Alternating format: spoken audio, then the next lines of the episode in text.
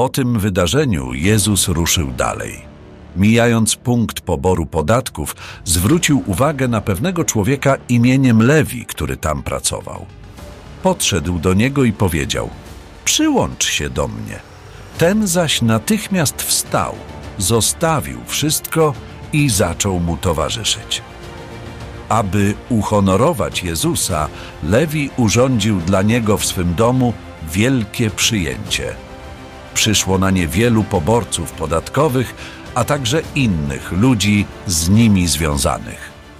Gdy wieść o tej uczcie dotarła do faryzeuszy i uczonych w piśmie, zaczęli między sobą szemrać i atakować uczniów Jezusa pytaniami: Dlaczego siadacie do stołu z poborcami i grzesznikami? Słysząc to, Jezus odpowiedział: Lekarza potrzebują ci, którzy się źle mają, a nie zdrowi. Ja przyszedłem po to, by do opamiętania wezwać grzeszników, a nie tych, którzy sami siebie uważają za sprawiedliwych.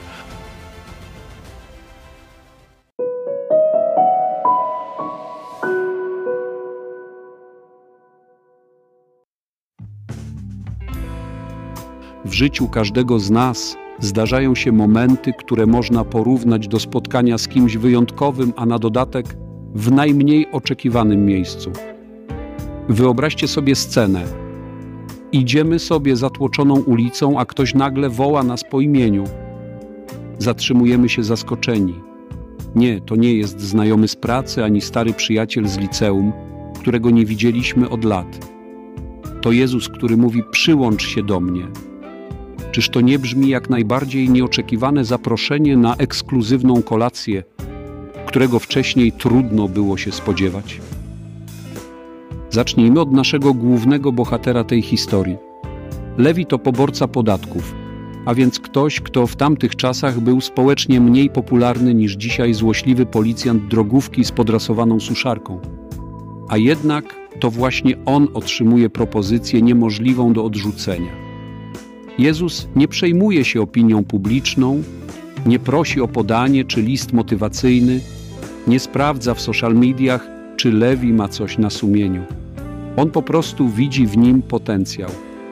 To przypomina, że w oczach Boga każdy z nas ma nieograniczony potencjał, nawet jeśli nasza pozycja społeczna nie wygląda najlepiej. Dalej mamy scenę przyjęcia. Lewi w geście wdzięczności urządza imprezę. Wyobraźcie sobie taką scenę. Jezus siedzący przy stole z ludźmi, których większość społeczeństwa unikałaby szerokim łukiem. To trochę jakby zaprosić na imprezę zarówno fanów disco polo, jak i miłośników opery, oczekując, że wszyscy znajdą wspólny język. A jednak Jezus pokazuje, że przy Jego stole każdy znajdzie miejsce. Mesjasz pokazuje nam, że nasze przyjęcia i nasze stoły powinny być otwarte dla wszystkich, nawet dla tych, których trudno nam polubić. Kiedy faryzeusze zaczynają strzelać słowami krytyki, Jezus odpowiada im prostym, ale głębokim przesłaniem. Zamiast wdawać się w jałową polemikę, rzuca jednym zdaniem jak oszczepem.